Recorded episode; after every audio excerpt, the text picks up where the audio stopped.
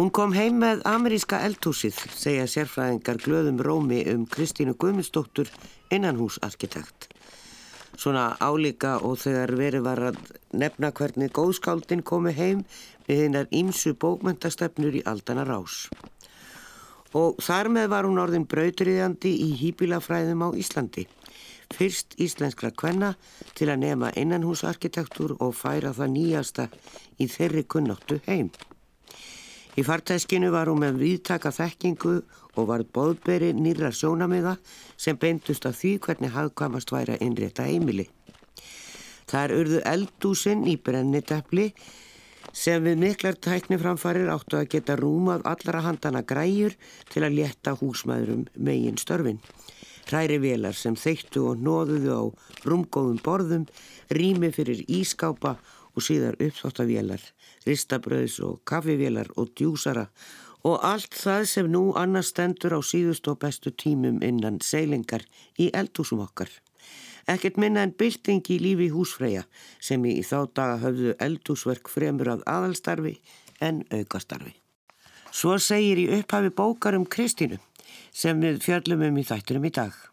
Fyrsta háskólamentaða innanhúsarkitektinum. Haldur á Arnardóttir listfræðingu skrifaði bókumanna árið 2015 og hefð Íslenska bókmyndafélag gaf út. Haldóra kynntist Kristínu vel á meðan hún var að skrifa bókina en Kristínu dreymdum að læra arkitektur en það fag þótt ekki við hæfi fyrir unga stúlku. En í bókinni segir Í júni 1943 gekk Kristín Guðmundsdóttur um borði Brúarfoss sem syldi síðan yfir Allandshafið og laðist að Bryggju í New York 21. júli.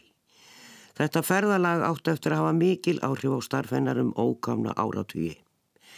Það tók mánuð að ferðast frá Íslandi til New York með viðkomi í Skotlandi. Brúarfoss var eitt skip af 70 í skipalest.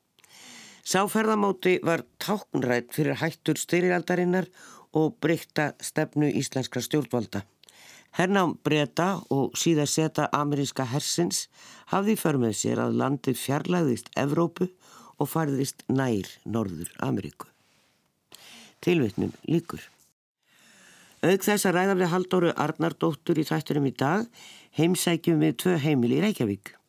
Húsin eru bæðið eftir eigimann Kristínar, Skarpiðin Jóhansson arkitekt og Kristín hannaði eldhúsin og fataskápa. En hvað beigðanar við heimkomuna? Við skurum líta aðeins aftur í bókina. Hún var aðeins 24 ára ung kona, var fyrsti háskólamentaði innanhúsarkitektin hér á landi og stóð frammi fyrir gjör óleikum efnaðarslegum og þjóðfélagslegum aðstæðum en þeim sem hún hafði kynst Vestanhafs. Kristín átti frumkvæði að nýjungum í hagraðingu innanhús og hannun eldhús nótkun heimilistækja og samsetninga lita. Þessa breytingar voru fyrirbóði nýra lífsáta Íslandinga hvað matagerð snerti sem byrtust meðal annars í nýjum hráöfnum og síðan nýri matreðslu. Kristín lagði þeirri þróun lið ekki aðeins í hönnun heldur líka með nýju vinnuskipulagi og uppskriftum til að matreiða í nýja eldhúsinu sem hún hafði sjálf lært og tekið með sér frá bandaríkjanum. Í þessu sambandi áleit Kristín eldhúsið kjarnaheimilisins þar sem fjölskyldan fjöst við margt samtímis. Við skulum næst heilsu upp á Haldóru Arnardóttur listræðing. Já, Haldur, það er svona spurningum svona meðan við það sem þú hefur verið að starfa núna undanferðin ára á spáni og með manninu þínum hvað ég er að, að vinna aðalega við byggingar. Eh, þú ert alltaf með listræðina þetta og, og áherslu á byggingalist. E, hvernig sko skrifar bækur eins og til dæmis um hana Kristínu Guðmustóttur sem var fyrsta konan sem að mentaði sig í innanúsarkitektur og e, fætti bandarækjana með drauminum að alltaf reynda að verða arkitekt en það þótti nú ekki við hæfa á þeim tíma. Hún fer í miðju stríði. Hefur kannaður eitthvað þá, þær aðstæður þessi þetta var mjög sérstækt að fara til bandarækjana Já, þetta, hún hefur bara verið mjög, eh, bara kjarkmikil kona og ja. vita hvað hún, já, hvað hún vildi, hún vildi læra og fóreldurar hannar kvötunar eh, til þess. Þannig að eh, hún var með, þau voru með fjölskyldutengsl í Chicago og svo var nú kannski ástæðin fyrir því að hún fór þangað eh, heldur en eitthvað annað. Hanna já, langaði að fara vestur fyrir hver heldur til Skandinavíu þar sem að flestur fóru. Það var náttúrulega mjög óvönulegt og hún fór, eh, hún var eh, heilan mánuð á leiðinni í, með brúarfossi uh, og hún kom við í Skotlandi og, og, uh, og fór síðan til New York og þaðan til Chicago. Þannig að þetta var heilmikið ævindir fyrir unga stúlku, yeah. en hún hafi víst uh, fengið góðar einhvernir í, já, í skóla og, og fannst gott að teikna, gaman að teikna og mála og og uh, eins og þú segir hún, hann er langað að vera arkitekt en þetta var svona næsti bær. Já, var þetta efnað fólk? Því að maður hugsa þetta náttúrulega kostar peninga og annað og hún er tvítuð og nýkomnu skóla og, og kannski ekki af allra færi að fara þessa löngu ferð Já, efnað og ekki efnað, en hann var vel, vel settur og fóreldrar hennar voru vel sett hérna, hann var vel virtur skrifstustjóri þannig að eh, Já, það, það er þau hlut að hafa haft efnaði en hún fekk líka styrki, hún fekk líka styrki frá ríkinu til að, til að fara og svo vann hún líka með náminu Já. í Chicago. Þannig að dreyndum að verða arkitekt og, og hún hefst nú eins nálagti og hægt er með því að hún giftist síðan skarpjani Jóhanni sinni arkitekt. Það er síðar, við skulum koma að því.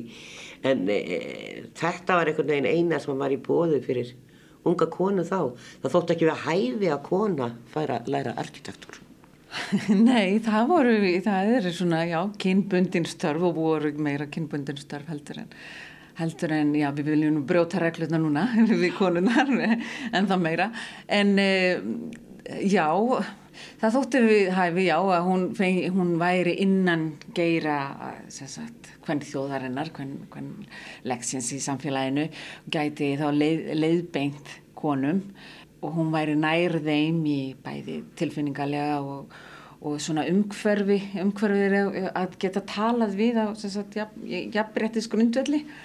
Það er svo sagt eina ástæðan en, en, en það er líka gaman að, að, að muna og að minnast þess að hún, hún eh, fór þarna í nám eh, og hún kynntist sko, heimsfræðum arkitektum eins og Frank Lloyd Wright eh, hlustaði jazz heima hjá honum þvílík upplifun og reynsla að, að fara til hans. En hún var líka hérna hún var svona uppgötuð af öðrum merkilegum arkitekt eh, Walter Gropius sem að er sem að hérna þekktu fyrir já, nútíma nútíma hönnunina og, og, og báhás eh, stefnuna. En eh, og það hefði verið virkilega eh, já bara alveg stórkoslega hefði hún hefði farið þangað og, og unni með honum eins og hann sóttist eftir. Já, foreldrarnir komið þar inn og sagðu nei, vinna mín það kengur ekki Nei, það, þetta var vist óöryggi og, ekki, og óöryggi, já bara gagvart því að fara í nýja borg og umhverfi en líka það voru ekki þessi vinabönd sem að sem að þau höfðu í Chicago þannig að Já. eitt lit af öðru en, en hún greitt sig lengi í svefn eftir það sagði hún mér En hvernig kynist þú henni og ferð, og ferð út í það að skrifa þessa bókum hennar verk? Ég las, eh, ég las greinum hann í morgunblæðinu fyrir mörgum árið síðan og, og, og heitlaði stafinni sem personu og í framhald af því þá hérna, var ég, já, eitt sumar hérna í Ríkisúttorpinu með þætti um, uh, um borgir og, og fjallaði um uh, borgina þar sem að viðkomandi hafi hafði hérna lært og komið svo aftur til, eh, til Reykjavíkur eða heim til Íslands. Já. og ég, ég fjallaði um þess að tvær borgir. Og hún var einn af þessum viðmælundum sem ég sóttist eftir að koma í stúdíu og hingað.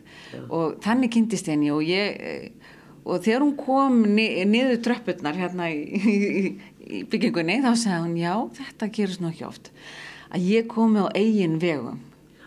Heldur ég er alltaf kona mannsins míns eða móðir barnana minna en ég er ekki, ég er ekki eftir, oft ég sjálf. Þannig að ég sagðist lofa að skrifa mér hana bók einhvern, einhvern daginn þannig að ég, ég gerði það. Var hún enn á lífi þegar hún gerði þessu bók? Já, heldur betur. Hún var, hún var nú heldur betur. Hún, hérna, ég kynntist henni þannig á, þegar hún bjóða Birkjumeli Birkjumeli 10 og uh, ég heimsótt hann á hverju sumri eftir þennan útvarstátt og uh, talaði sem sagt, við vorum alltaf að tala um saman um, um hennar námsár og, og, og, og það sem hún hefði gert hér. En uh, svo, uh, svo líða árin náttúrulega og hún fer á, á dvalarheimili og og ég held alveg mörg, mörg, mörg viðtal við hann á klukkustundu saman ég heilu bara dagana sem við erum bara saman og erum að spjalla. Og ég skrifa niður og hún segir mig frá. Og, og hún segir mig frá svo mörgu náttúrulega og, en hún er orðin gömul kona þannig að, að maður verður alltaf að aðtöða hvort að, hvort að staðreindir standast. Svona munlegar frásagnir en hún, það var það var í, í öllum tilfellum að, að minnið hennar var var rétt, þannig að uh, þegar ég fór svona káni og, og, og leitast hvort að þetta væri nú virkilega svona, ég skrifaði þetta í Chicago og ég, ég leitaði sem sagt bara þegar maður hangast ég þurfti að leita. Um, ekkert bara á landsbóksafni heldur, heldur út fyrir landsteinana þar sem hún var við nám og hafði sambandið mitt við eh, skólana og, og skólan sem, sem hún, sem hún hérna, lærði í Northwestern University í Chicago. Og, uh, og þau hjálpuði mér og þau, ég mér sem fekk eina, hérna, fræð, eitt fræðimann sem hafði hérna, skrifað sérstaklega um Chicago.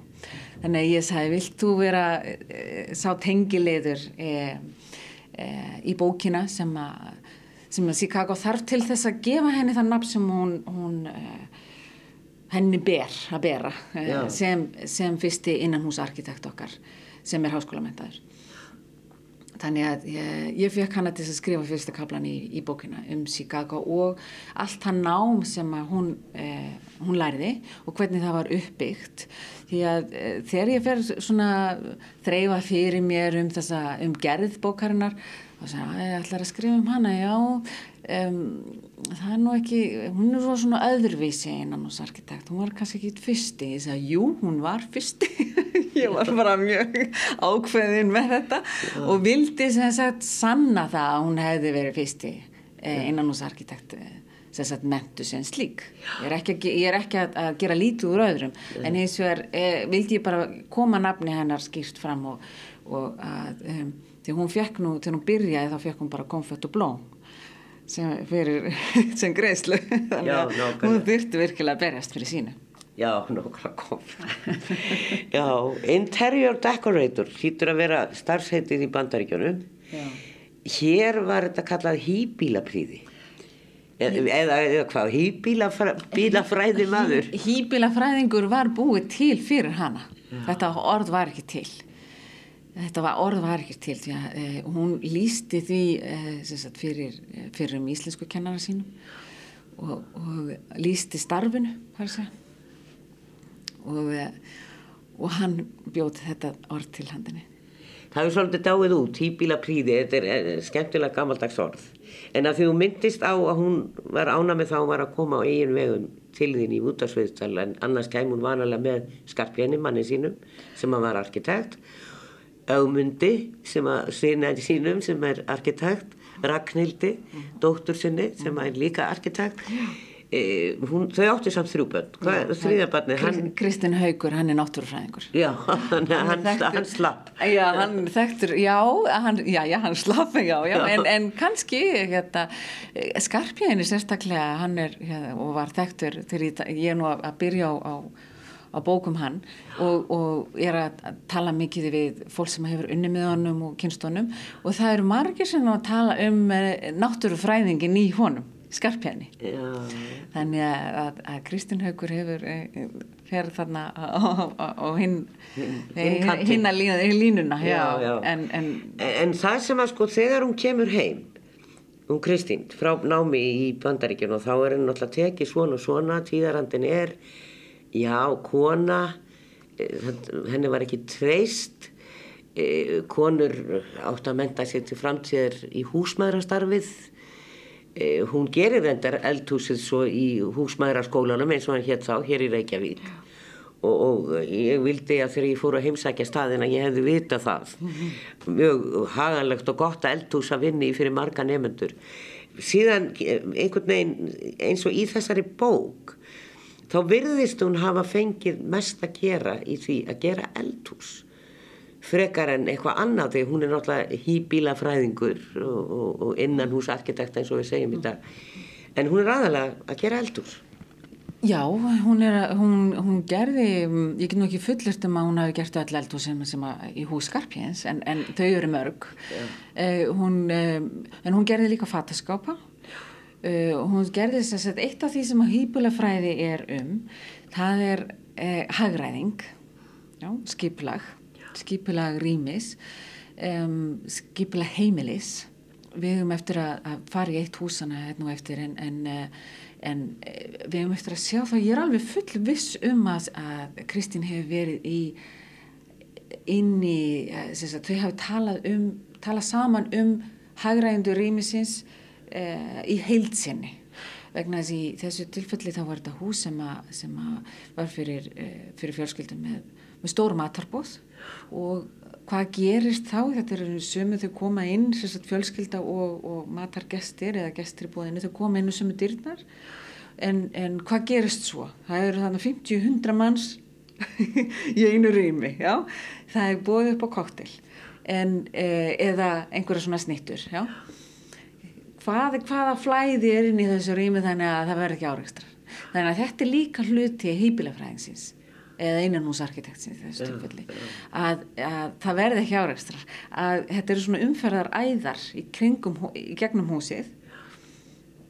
Hvort sem það eru börn eða hvort sem það eru, já, hvort sem það eru fjölskylda eða, eða stærri eining eins og bóð en, en ég er alveg full vissum og hún hafi verið með inn í því. Ekki bara eldhúsinu og hvernig sagt, eh, eldhúsi var skipilagt ekki bara í sambandi við matræslu, heldur líka í sambandi við þjónustu og hvernig, hvernig flæði var í kringum svoleiðis bóð, mm. þetta hús var uh, búið til fyrir það. En það er svona já, rýmið inn í húsinu, þetta flæði byrtan, litir rauðun og húsgóknum hvers konar húsgókn Við sjáum ekki kannski svona í dag, ég veit ekki þegar kannski haldinn svona stór heimbóð eins og fórstöru Sís Erlendur Einarsson held eh, þarna á sínu heimili e, á sínum tíma. Og, og þá er bara e, og við skulum aðeins vitna hér í það sem það stendur í bókinni um þessar veistlur Kristín stóð frammi fyrir allt öðrum aðstæðum árið 1955 þegar Erlendur Einarsson kom að máli við Skarpíðin Jóhansson arkitekt og baðan að teikna fyrir sig einbílishús að selvásgrunni 27 Erlendur var nýráðin fórstjóri sambands Íslenska samvinnufélag eða SÍS og stór heimbóð átt eftir að verða hluti af starfi hans að taka múti kaufélagsstjórum af öllu landinu, innlendum og jamt sem erlendum viðskiptamönnum. Erlendur og kona hans, Margret Helgadóttir, óskuði því eftir að rými húsins væru sveianleg til að þjóna hlutverkum sínum sem heimili, fimmanna fjölskyldu og mótökustæði fyrir alltaf 120 manns og 28 manns í kvöldverðarbóði var ekki óalgengt. Fáir veitingarstaði voru í Reykjavík á þessum tíma og því fóru formlega mótökur yðurlega fram í heimahúsum. Það var því bringt að greina þær ólíku aðtapnir sem færu fram í húsinu og flæði rýmisinn strax í upphafi hannunaferilsins. Það er hvernig fólk myndi fara um húsið eftir aðstæðum sem sköpuðust í daglugu lífi fjölskyldunar og eða stórum bóðum. Skipila húsins skildi til dæmis tryggja að enginn rækist á annan þegar gestur kemur inn, tækja af sér og gengur til stofu þar sem veitingar væru borðnar fram og aðrir gestur væru fyrir í samræðum. Þessi tilfinning fyrir rýmun áttu líka við um eldhúsið og aðlegjandi búr þar sem matur var gemtur, matrættur og borin fram af þjónustustúlkum í veislum og stórt þóttahús í kjallara með þóttavel, þurkara og góðri aðstöðu til að strauja og ganga frá dúkum og handturkum. Hvert aðtapnasvæði var skilgreint og afmarkað. Tilvitnun líkur. Svona veislur eru kannski ekki haldnar e, í dag mikið á heimilum, ég veit ekki. Fólk náttúrulega byggir í þessu stór hús og, og er með stór fyrirtæki og annað, það getur vel verið að bjóði 50-100 manns hindi sín í kokteil og pinnamat og síðan bara reysastór matabóð, ég vil 20 manns í mat. Þetta er, er ekkert smá og er húsmóðurinn þá að elda þetta? Mann man hugsa bara hvað er í gangi það er sko vinna húsmóður á þessum tíma um 60 þetta er það er náttúrulega bara klikk. Hún hafði náttúrulega þjónustur, hún þá- hafði þjónustu með sér. En uh, svona þér að segja þá, þá bauð ég upp á 80 manna veislu í, þannig að þetta er alveg hægt.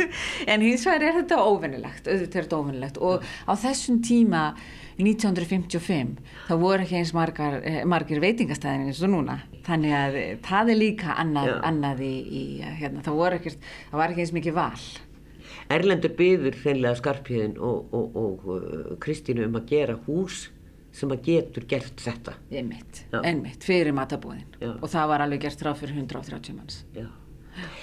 Fataskápanir að því hún myndist á þá, þá eru þeir líka, mm, svona, það eru myndir af þessu í bókinni og hún gerir fyrir konuna og fyrir karlinn og, og þeir eru ólíkir.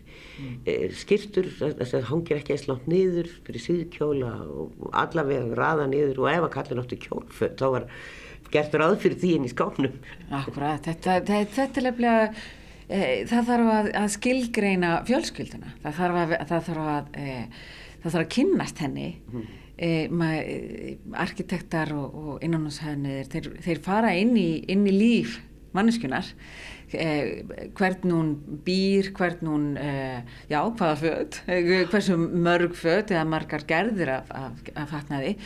Réttilega hvort þetta eru síðurkjólar stutturkjólar, vinnukjólar sparukjólar eða hvað, bindi eða, eða hvers konar fyrir sokka eða skúfur fyrir sokka og nærfatnað og allt þetta, þetta eh, hver, hver hefur sinn stað, en þetta er líka mikið atrið fyrir, fyrir Kristínu. Þessi skipulagning, ef þú veist hvað hlutinir eru, þeim er fljótur eftir að ná í það og, og þú sparar tíman og þá hefur hérna, tíma fyrir eitthvað annað. Þú eh, heldur hún að leita að einhverju. Hvað, hvað erum við oft búin að leita að einhverju sem, að, sem að hefur farið já, einhver aðra skúfu heldur hún átt að fara Já. þannig að þetta er hluti líka að því að bara gera lífi léttara og að um, með þroska barnsins Já. til dæmis, að ef að, ef að krakkar vita hvað hlutinir eru þá get- geta þær gengið að og þau bara skilja á sín stað aftur Við ætlum nú að skoða eldhúsin hennar því að þau eru ennþá nokkur til sem betur fer og, og, og það er alltaf búið að vera lenska hérna kannski sérstaklega í uppganginum fyrir hrun að fólk var að kaupa sér íbúðir og það reyf allt út og nýtt inn og var kannski að eðilegja í rauninni sko perfekt eldhús af því að þarna skipulegur hún allt frá grunni og það er ótrúlegt að sjá hvað, hvað er hvar og, og hvað hún hugsar úti. Við skulum ræða það þegar við erum á staðinum, við ætlum í Selvósgrunn og við ætlum út í Skerjafjörð, í Skildinganis. En hversu sko, mörg eldhús fannstu? Þú varst að segja mér að þú varst fyrir norðanudaginn og fannst þær eitt eldhús og, en er búið að rífa mikið af þessu og breyta e, Já það, síðan þá? búið, já, það er búið að rífa mikið af þessu breyta. Hún gerði alveg ógreini, já, ég fann ekkit öll. ég fann mörg en, en, og þau vorum í mismunandi ásökumalagi. Við völdum í, í bókina nokkur sem að gæri, gæfi til kynna fjölbrytileika eldhúsana og fjölbrytileika fjölskyldnana en e- eins og segir réttilega ég, ég hérna er að undirbúa bók um skarpinn og, og ég er svona að leita fyrir mér og, og ég fór í eitt hús á Akureyri og og ég lít að sagt, inn, um, inn í eldhús og ég segi, wow, vissur þetta? Hérna, eldhús eftir Kristínu. Og, og þetta var alveg upprunilegt eldhús eh, meira sem hérna, eldunar aðstöðu og, og opn sem að vara upprunilegur svo eh, fyrir þessa bók þá, þá við þá vissi, vissum við af eldhúsi. Eh, konan var orðin gömul þannig að hún þurfti að flytja. Þannig að nýri eigendu komu inn en þau voru svona alveg á nippunni með að, að brjóta niður eldur svo ég segi við Ragnhildi viltu ringja, verður fljót verður fljótið allavega að taka myndir af eldur sinna áður en það verður, brjótið niður Já. en, en við björgum og ég held að þessu bara hafmyggjusum eftir, eftir það þau sem sagt vildu, tóku það ákvörðin að lifa og búa í húsinu og með þetta eldús, þetta gamla eldús sem var 50 ára og hérna og þetta er bara, þetta er bara eins og nýtt Það er hægt að gera hlutin upp og nýta það upp á nýtt og tala um þau eru vel skipulæðir. Þetta er sko hámáðins í dag, getur við sagt, nýjasta tíska, 60s tískan er, sko fólk er að kaupa tekkmöblur og annað dýrum dómum í dag, eldhúsin eru algjörlega í, í þeim stíl og hún notaði gætnan liti, hún var litaglöð og, og, og, og flísar og annað sem að var. Við hefum séð svona 60's eldhús sem eru með betrekki og öllum apposlegu munstrum og annað sem að kannski svona gengi aðeins á langt, hún er mjög smekleg.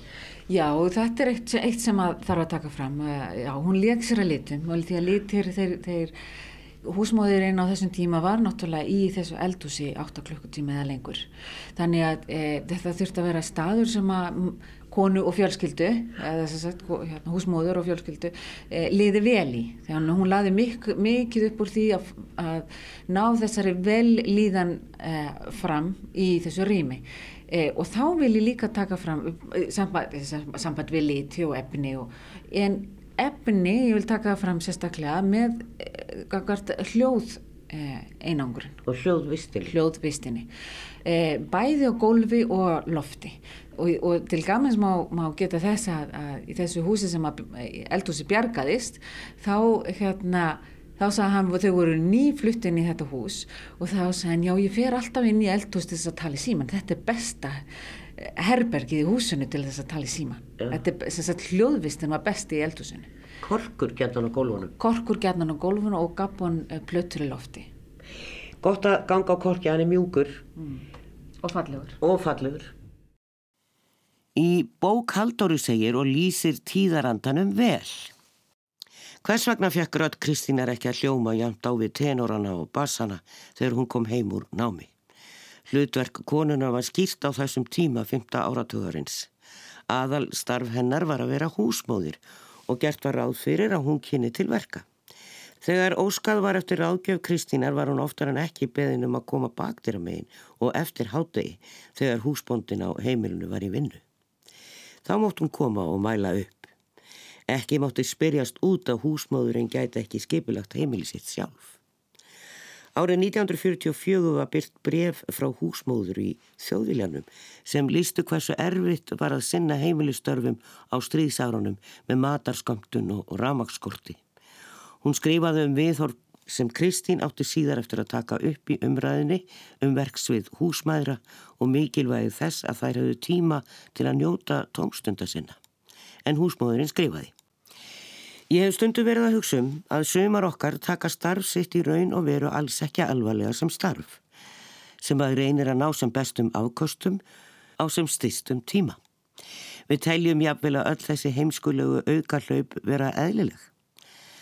Aldalgömul vennja sem hefur komið þeirri skoðun óhakanlega inn hjá konunni að hún sé fætt til þess að gegna heimilustörfum og henni sé í þau blóðborin og að hún þurfi ekki að styðjast við neitt annað en eðliskvöld sína til þess að verða húsmóðunstöðinni vaksinn. En þetta er einn mesti miskilingur. Við bregðum okkur nú á bæ og höldum austur í bæ og dýrabjallan sem að klingir hér er upprunalegð í húsinu.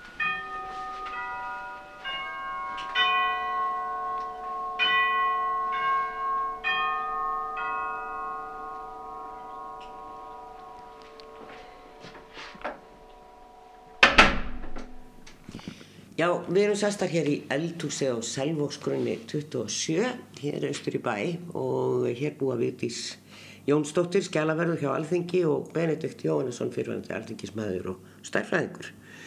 Þetta hús er við svo sem búin að minnast á aðeins og e, þetta var byggt fyrir Erlend Einarsson, fórstjóra SÍS á sínu tíma og Vigdís og Benedikt eignast að eiginlega þau eru bara eigandur nummið tvö þannig að það var ekki margir, marga fjölskyldur búið hér.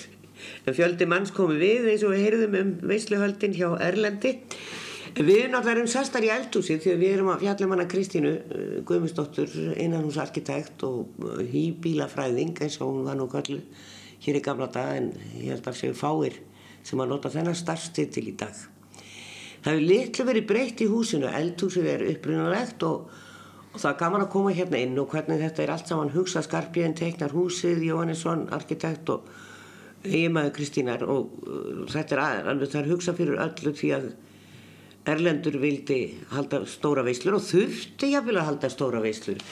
E, þannig að e, það er rosalegt rými bara að koma inn og þá er þessi risa stóra stofa, borstofa og svo er minni eh, svona setustofa þó hún sé vel stór til hæðri þannig að eh, hér er gestur að fyrir því að geta komið margi gestir. Ég, eh, sko, þú hefur kannski verið að ferma börn hérna og þetta er, þetta er gott og rúmt húsnaði fyrir stóra vislur Já, við höfum geta notið þess að hafa nóplás hérna í húsinu og höfum reyndar haft nokkra veislur.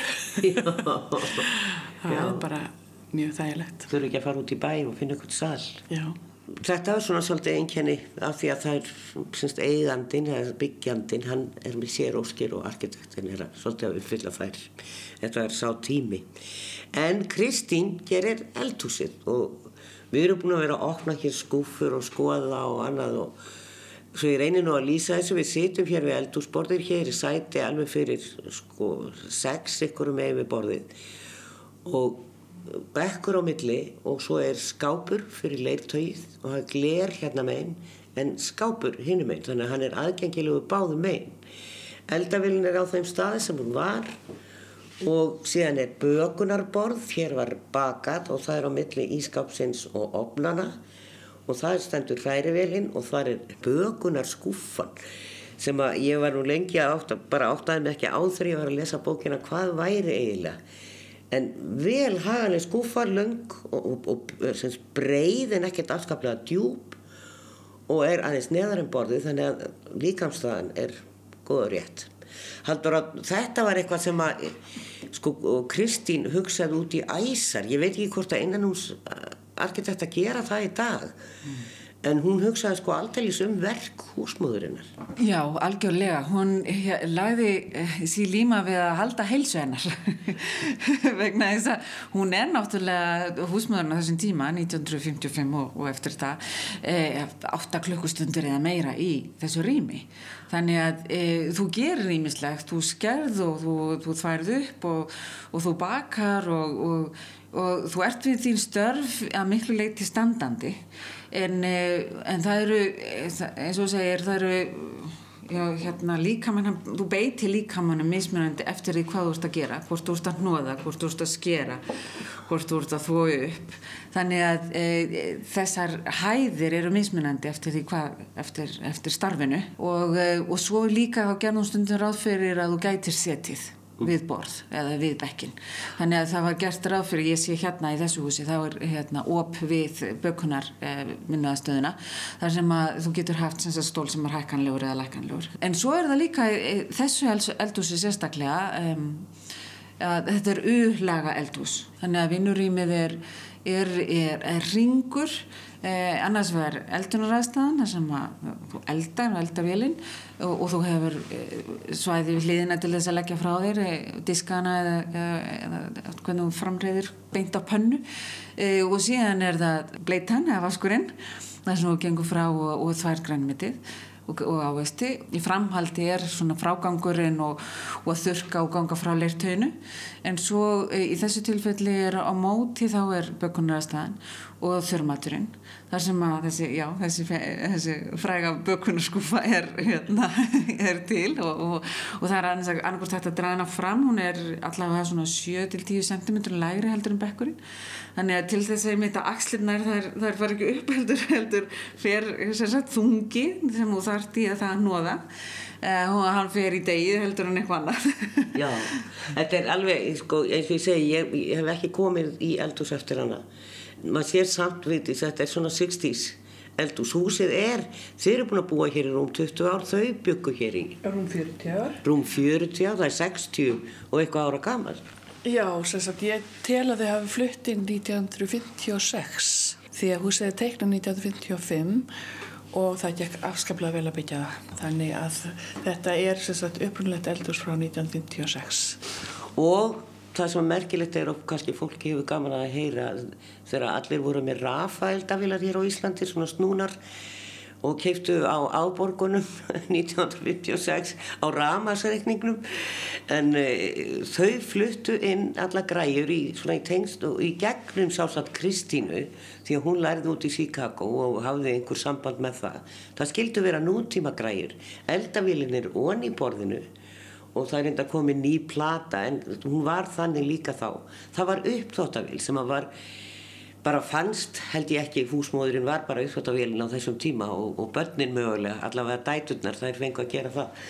Og það eru sem sagt, og opnarnir sem út með hér, einnir hitunarofn og eitt bakarofn þetta er allt saman viftan fyrir ofan eldavill þetta er allt græjur frá 56 þetta er alveg ótrúlegt. Já, þetta er sem sagt allt nema eldavillin er frá 1956 og greinilega flutti inn frá bandaríkjunum og hafa staðist í masthönn hérna. Já. en við skiptum út ískafnum hann var eh, líka bandarískurinn. Þessi er með aðeins nýtískulegri kröfum. En þeir voru nú góður líka þessi gamlu amerísku en það er náttúrulega breytast tímannir og það er kannski að minnsta máli að skiptum ískáp en ég er svo hrifin að þessum skáp hérna fyrir ofan þar sem þú geymir leirtöðu, diska, bolla og glös og allt mögulegt e, af því að hann, hann snýr í báðar áttir þú tekur beint upp úr uppsvöldauðinni setur inn í hann en þú tekur líka beint út úr hann til að leggja borð og líka til þess að fara inn í borðstofu með Þannig að þetta er, eh, finnst þetta ekki þægilegt? Jú, það er mjög þægilegt að, að vinna í þessu eldhási. Ég hef svo smikið hugsað út í það fyrir því að, að, að þetta er bara mjög vel hannað eldhás fyrir bæði fyrir hverstags uh, legar aðtapnir eins og að borða fiskketin í eldhási eða vera með veistlu fram í borstofu. Það er mjög þægilegt. Já, þetta eldhús er náttúrulega gert til þess að, að fækka spór húsmóður mm. og þeirra sem að vinna hérna í eldhúsinu. Þannig að, að ringrásinn og flæðið inn í, inn í eldhúsinu og það er óekkert að rekast af. Hérna er mjög rungótt, er, þetta er á milli hérna, bökunar, aðstofunar og, og beksis. Það er já, einn og hálfum eittir eða það er, að, það er hægt að mætast. Og þetta er einmitt mjög mikilvægt þegar maður talar um eða þegar, þegar, þegar hús er hanna fyrir svona stóra veislur. Það eru þjónustu, þjó, það eru þjónustu þernur hérna að matri að koma með bakka og fara með e, óreint lertau og, og, og það má enginn reyka stát til þess að það verði ekki sliðs. Þannig að þetta er allt úthugsað e, bæði gagvart fjölskyldu, þetta er sem sagt sveianlegt rými, bæði gagvart fjölskyldunni og þess að þetta gerir þetta heimilislegt og, og, og velíðan sé í fyrirrúmi fyrir alla. En líka þegar það kemur að þessum stóru bóðum að, að flæðið Sagt, að það rekist korki á þegar, þegar gestir kom inn í húsið og taka yfirhafnir af sér e, fara svo inn í, inn í stofu eða, eða borstofu og síðan koma þjónustu fólkið og, og, og, og trakterar þannig að þetta er allt saman úthugsað og mælt af henni Kristínu. Ég hugsa að Kristín hafi nú haft tölverð áhrif á skarpjæðin mannin sinn e, við hannun því að hún, þú talar um það í bókinniðinni Haldur að að það þarf að vera plásur alla í húsinu, ekki bara fullorna fólkið mm. og það voru nú gætnan á þessum tíma teknir alveg pínlítið barnaherbyggi, það var bara skrippbúrð og rúm og, og það var jafnvel ekki skápurinn í barnaherbyggjunum. Hún hugsa fyrir þessu og þau bæði uppi er stórpallur, falluðu stíði hérna upp og, og, og stórpallur sem er ágættis leiksvæði fyrir krakka þannig að þá er líka hægt að hafa herbyggi minna því að það er hægt að leika sér og þetta var eitthvað sem hún var líka að tala um börnin eru vissulega hluti af öllu reymunni og mm. eru, þetta er fjölskylda já. þannig að börnin eh, húsið og heimilið er, er staður til þess að þroskast á eh, og húsið er hluti af þessari þroskasögu barsins já. þannig að eh, húsin eru eh, og, og, og hýbilið er gert fyrir börnin líka og það að þau stekka og, og verða fullarðum fólki Herbergin eru, eru líka skipilögð, fata, fata eh, skápandi þeirra eru hluti af þessu þróska tímarvili að ganga frá og ganga vel um og, og hafa hlutina á sínum stað og, og rauðraglu og líka hafa leikvöng og þá að ganga frá þeim. En að hafa leiksvæði og í þessu tilfelli er alveg indislegur eða svo segi pallur þarna fyrir framannhúsi sem, framann fyrir herbergin sem að, sem að reynist eins og bara leikvöllur er, hafa börnuðin nota þannan patt til að leika sér á sínum tíma? Mikið drasla þar? Já. Það, nú, það var nú eiginlega bara eitt sem var lítið þegar við fluttum. Hinn, þau voru nú aðeins fullarinn en, en þessi pallur, já hann er mjög, hann er bæðið solríkur, bjartur og það er búið gott að hafa svona fínt rými já. til að leika, það er barnabönnin leika sér þarna mikið það var mjög gaman að því En eru þá barnaherbyggin lítil eða eru þau, já hvernig eru þau, við erum ekkert verið að kíkja upp. Þau eru stór. Já, Allt þetta hús, þegar við skoðum það fyrst, þá fekk maður þessa tilfinningu fyrir rými. Það er, það er stíin er breyður upp á loft, get, fólk getur mest í honum. Herbyggin eru af góðri starð, þannig að húsið sjálft er til að vera mjög vel hannað, hefur staðist tímans tönn öll þessi ár síðan að rúm 60 ár að það stendur algjörlega fyrir sínu það þarf ekki að brjóta niður veggi til að stækka rými. Þau eru nú þegar í mjög, góðu, mjög góðum stærðum þannig að ykkur hefur þótt gott að búa hérna og, og ekkert hérna hugsað ykkur um að að hreyfa ykkur hérðan. Nei, okkur finnst mjög fínt að búa hérna. Við erum búin, búin að búa hérna 22 ár. Þannig að þetta er, þetta er alveg frábært hús og svo er náttúrulega heil íbúð niðri það sem að kemur sér vel þegar að börnin fá að búa hérna í einhver ára á þannig að þau flytja heimann með sína fjölskyldur. Já. þannig að er, þetta er hús sem að rúmar mjög marga Við höldum áfram ferð okkar og förum út í Skerjafjörð, nána tiltekið í Skildinganesið.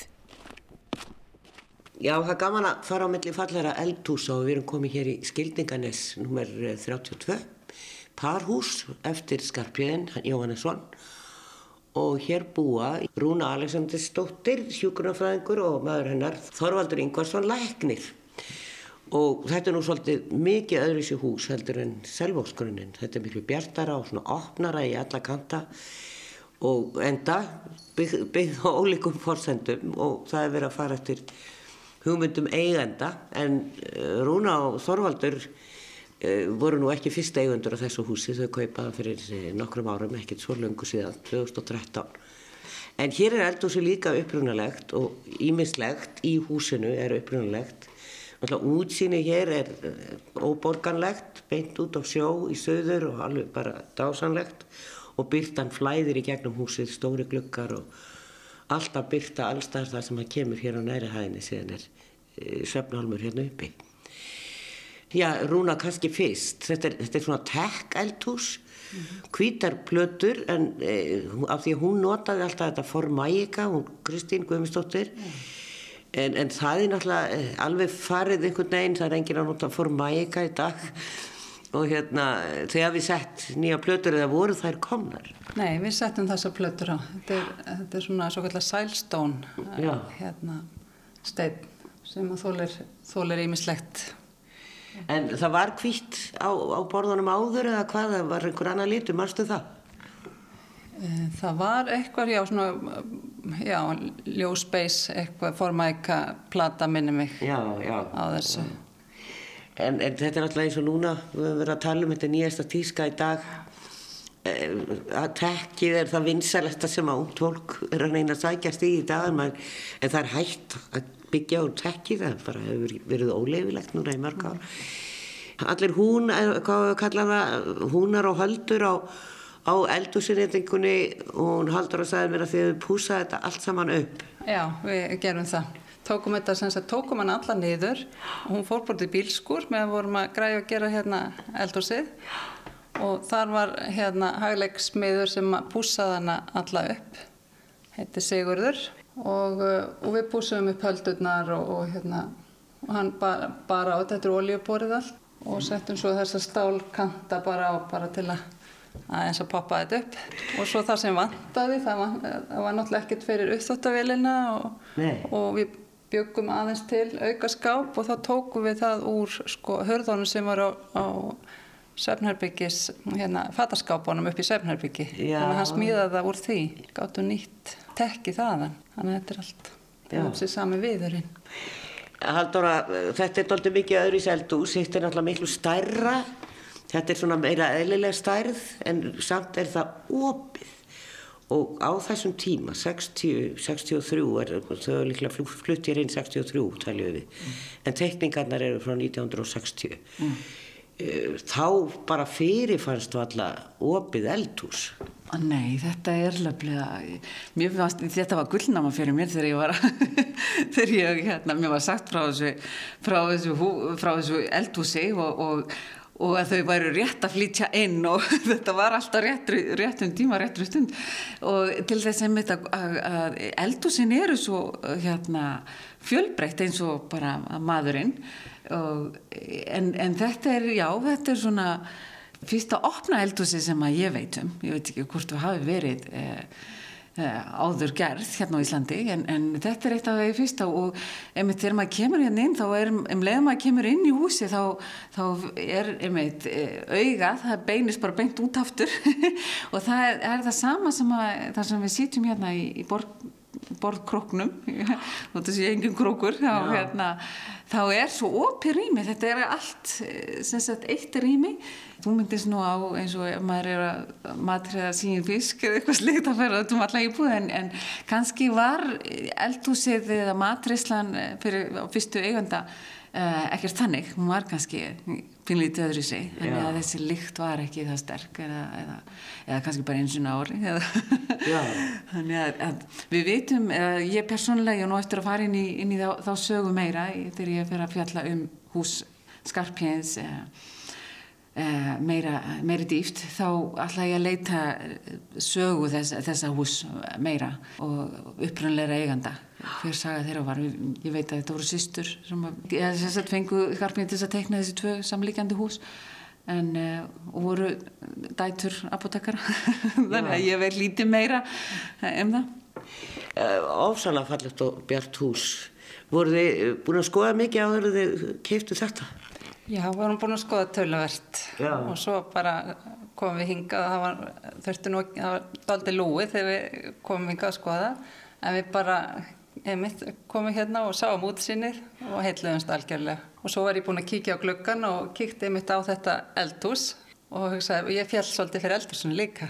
Já, það er eitthvað það. Þetta er nú samt eiginlega á þeim tíma og var svona kannski viðlúandi fram eftir þessari öld að fólk var að henda öllu út Já. úr eldhúsum. Já, það hefði öruglega einhver hendis út. En, en hérna, mér fannst þetta svo, sjarmerandi að ég gæti ekki hugsað með það. Nei.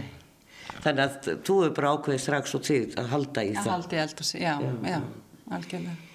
En eh, af því að þú talaður um að þið notuðu tekkið úr Söfnaherbyggi skápum af því að hún hannaði þessa, sk þessa skápa mikið inn í Söfnaherbyggi og Barnaherbyggi og annað eh, og, og, og stýrði svona hæð á hillum og lengt fyrir kjóla og jafnvel kjólföt Eh, en, en þið skiptuðum skápa þá uppi eða hvað? Já, við uh, vildum gera það. Við útbjúkum, það var auka herbergi og við útbjúkum svona fata herbergi, þannig að það hendaði okkur betur. Við sáum svolítið eftir samt skápónum en þetta, já, við vildum Já. gera fata herbergi.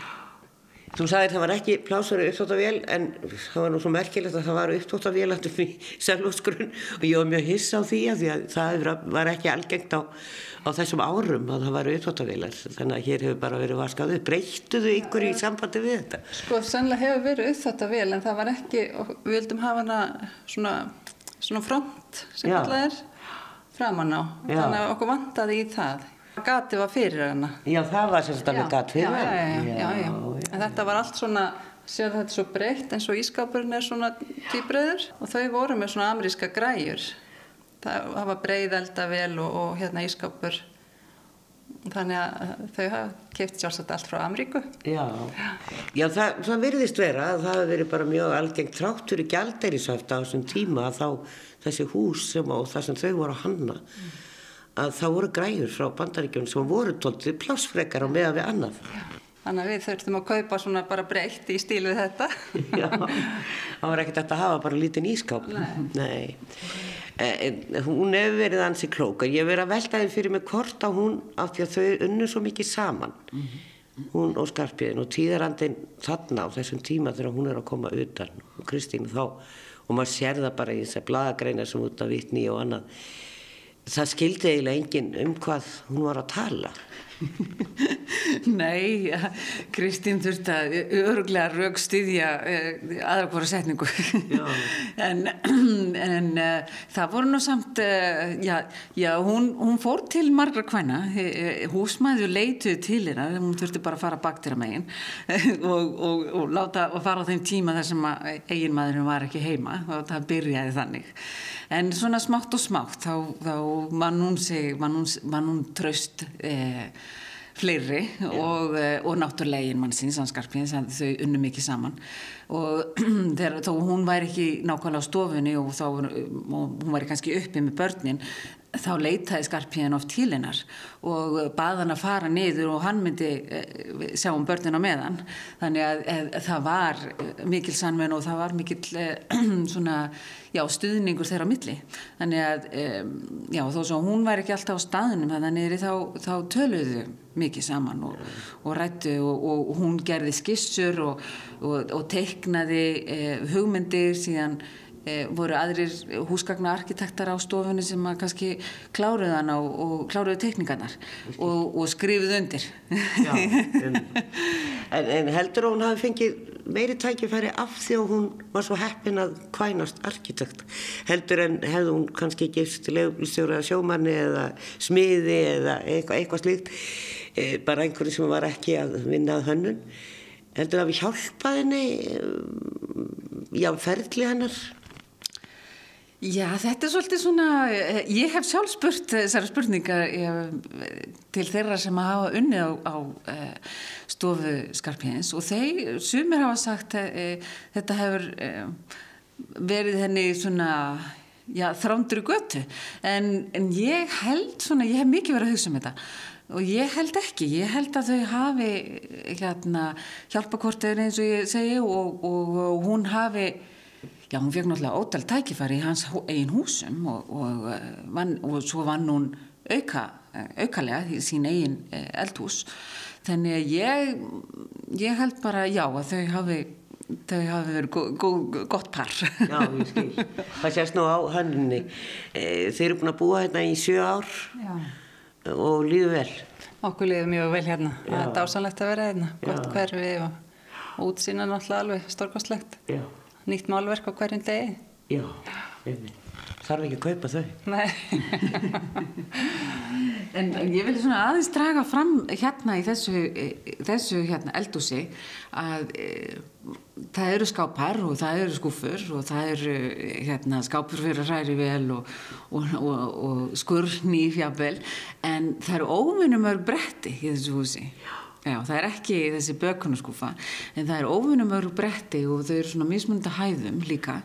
En, en við hliðina að Kristín talar um, um ég vil draga framlefla hér að, að Kristín hefur talað um að það er, það er gott að hafa bekk við hliðina á kæliskáp til þess að leggja frá sér. Já. en hér er ekki um, bekkur heldur er einmitt bretti til þess að leggja frá sér og það er svona framlenging af skápum sem verður hliðin á á kjælskapnum. Þannig að það er annarkvárt framlenging á skápnum eða þá einmitt til þess að leggja frá sér það sem hún tekur út kjælskapnum. Þannig að það er eitt dæmum það hvernig hún nýtir, nýtir rýminn og eitthvað sem, að, sem er ekkert augljóst að finna en hún er sem sagt hún er svona útsjónasvömm Já, já. já og, og, og notar hugmyndalflögi til þess að að, að hérna, finna lausnir á vandabálum eða, eða þörfa meiri rými sem er ekki til skilur það kannski svona í lokirúna öll þessi bretti en þau eru örgulega 5-6 allstaðar undir er, er bretti. Og, og sko þetta er alveg þetta er ekki smíðaðin í nútíma einriðtingar, þetta er bara einhvern veginn frá þessum tíma varstu svona hýrsa, hvað er þetta? Þegar þú komst þetta inn, þú þekktir þetta? Já, já, ég þekkti þetta frá mínu esku heimili, þar já. voru svona bretti, reyndar ekki svona mörg, það var heldur bara eitt. Já, já, ég, en ég nota það svona takmarkað. Ég er oft fljóta að grýpa bara eitthvað bretti sem ég skella á borðið. En þetta er snuð, þetta er við bröðuristina og þetta er við baksturinn og, og allstaðir er þetta að leggja og nota yfir til að taka út úr ískapnum og leggja frá sér. Já, það er mjög snuðut reyndar. Já. Þetta parhús Skarpjæðins Jóhanssonar í Skildinganesinu gæti hæglega verið hannað í samtímanum og eldhúsið er auðvitað eftir Kristínu Guðmustóttur. En við skulum aðeins líta aftur í bókina góðu hér í lokin. Árið 1959 kom bókin Íslensk íbúðarhús út en rittstjóra voru Hörður Bjarnason arkitekt og Alli Már listmálari. Það er ekki minnst á Kristínu, nýja fjallaðum sérþekkingu hennar, þó að myndir séu byrtar af eldúsum sem hún teiknaði og þeirra sérstaklega geti sem góðrar hannunar. Ekki nefndi Hörður Ágústsson hana heldur á nafn í skrifum sínum um hús og byggingalist í tímaritinu Byrtingi á árunum 56 til 68. Hann heimsótti þó Skarpján og Kristínu oft, auk þess sem þau Kristín voru sískinabörn. Það held ég nú. Og þar með sláum við botnin í þáttun í dag. Verðið sæl.